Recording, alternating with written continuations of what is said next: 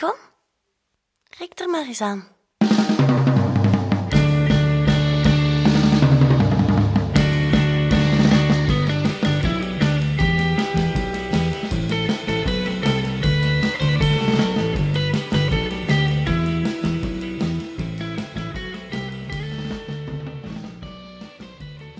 Op een dag ging ik langs bij Marleentje, een vriendinnetje van mij.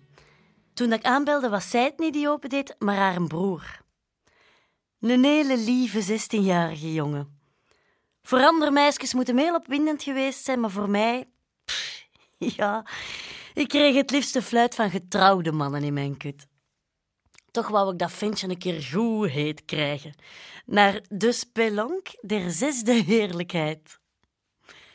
Ik liet mij neervallen in de zetel, mijn benen een beetje uit elkaar. Gelijk in een stripverhaal liet ik hem meer en meer opvangen van mijn stalken van Bethlehem, waar dat al veel gehuwde mannen hun kop hadden binnengestoken. En tenslotte kon hij ten volle genieten van mijn wijd geopende dijen en mijn doorschijnend nylonbroekje. Ze noemen dat eigenlijk een hoerenbroekje, omdat dat helemaal omzoomd is met kant en bloemetjes. Ja, eigenlijk ziet uw muis eruit gelijk een schoon versierd verjaardagskaartje. Kuttige verjaardag! Ik deed alsof ik niet wist dat hij naar mij zat te loeren. En ik trok met mijn vinger mijn oerenbroekje open en ik begon traag over mijn blote muis te wrijven. Heel traag. Totdat mijn schaamlippen open stonden en dat hem ook nog de ingang van mijn roos schrotteke kon zien. Zijn gezicht werd vuurrood. Hij wist duidelijk niet meer wat dat hem tussen zijn benen had zitten. Oei, mijn veter is los. Oei, mijn potlood valt. Zou ik er misschien eens mogen aankomen? Ik weigerde. Alleen maar om hem nog wat meer op te winden. Maar hij mocht ze wel van heel dichtbij bekijken, zodat hij de geur van mosseltjes en zeewier kon opsnuiven. Rek er maar eens aan. Dicht tegen zijn neus begon ik mij verder af te spelen. Het liefst van al had ik toen in zijn gezicht gespoten, maar... Wat zit ik al aan het doen? Zeg, alsof dat jij dat nooit gedaan hebt. Amai, moest ik zo'n broer hebben, hè? Ik zou er elke dag op zitten. Ik trok Marleentje in de zetel naast mij en trok haar benen open. Ik verschoot mij een ongeluk. Er was zelfs geen broekje. Die liep gewoon met haar kut zo bloot als maar kon. Ik greep direct naar haar jonge mossel, waar ons schoon krulaartjes aan het groeien waren. Nee?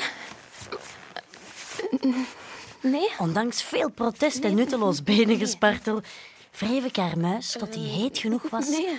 om zelfs aan meneer Pastoor geen weerstand meer te bieden. Allee, kom. Lik dit kutje van uw zus maar. Allee, kom aan, het is zo'n schoon kutje. En veel lekkerder dan dat van mij, kom aan.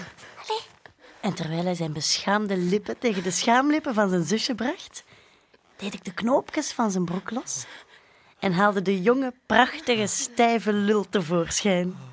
Gelijk een uit zijn dozeke. Ik streelde en zoende hem. Zet u op uw knieën met uw kontje omhoog. En daar zat ze dan, met haar kontje omhoog.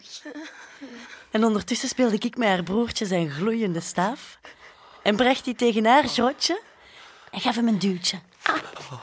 Ze voelde wel dat haar spelonkje plots bewoond was. En ze wou zich snel terugtrekken, vooral omdat ze diep beschaamd was. Wel Ja, diep is hier wel het juiste woord. En ook omdat ze de lul van haar eigen broertje in haar kut had zitten. Stel je dat voor. Gelijk de korporaal die op het slagveld heer en meester is, zorgde ik ervoor dat zij zich niet kon terugtrekken. En terwijl ik met mijn linkerhand het stijfstaand knobbeltje van het zusje bewerkte, streelde ik met mijn andere hand de lieve kloten van het broertje. Spijtig dat ik geen derde hand had voor mijn eigen brandende kut. Broer en zusje bereikten de zevende hemel der bloedschande. En om mijn schurkenstreken helemaal te laten lukken, stopte ik even mij over haar kutje te strelen, om met mijn twee handen zachtjes in de brave jongen zijn kloten te knijpen. Ja, echte schurkenstreken, hè?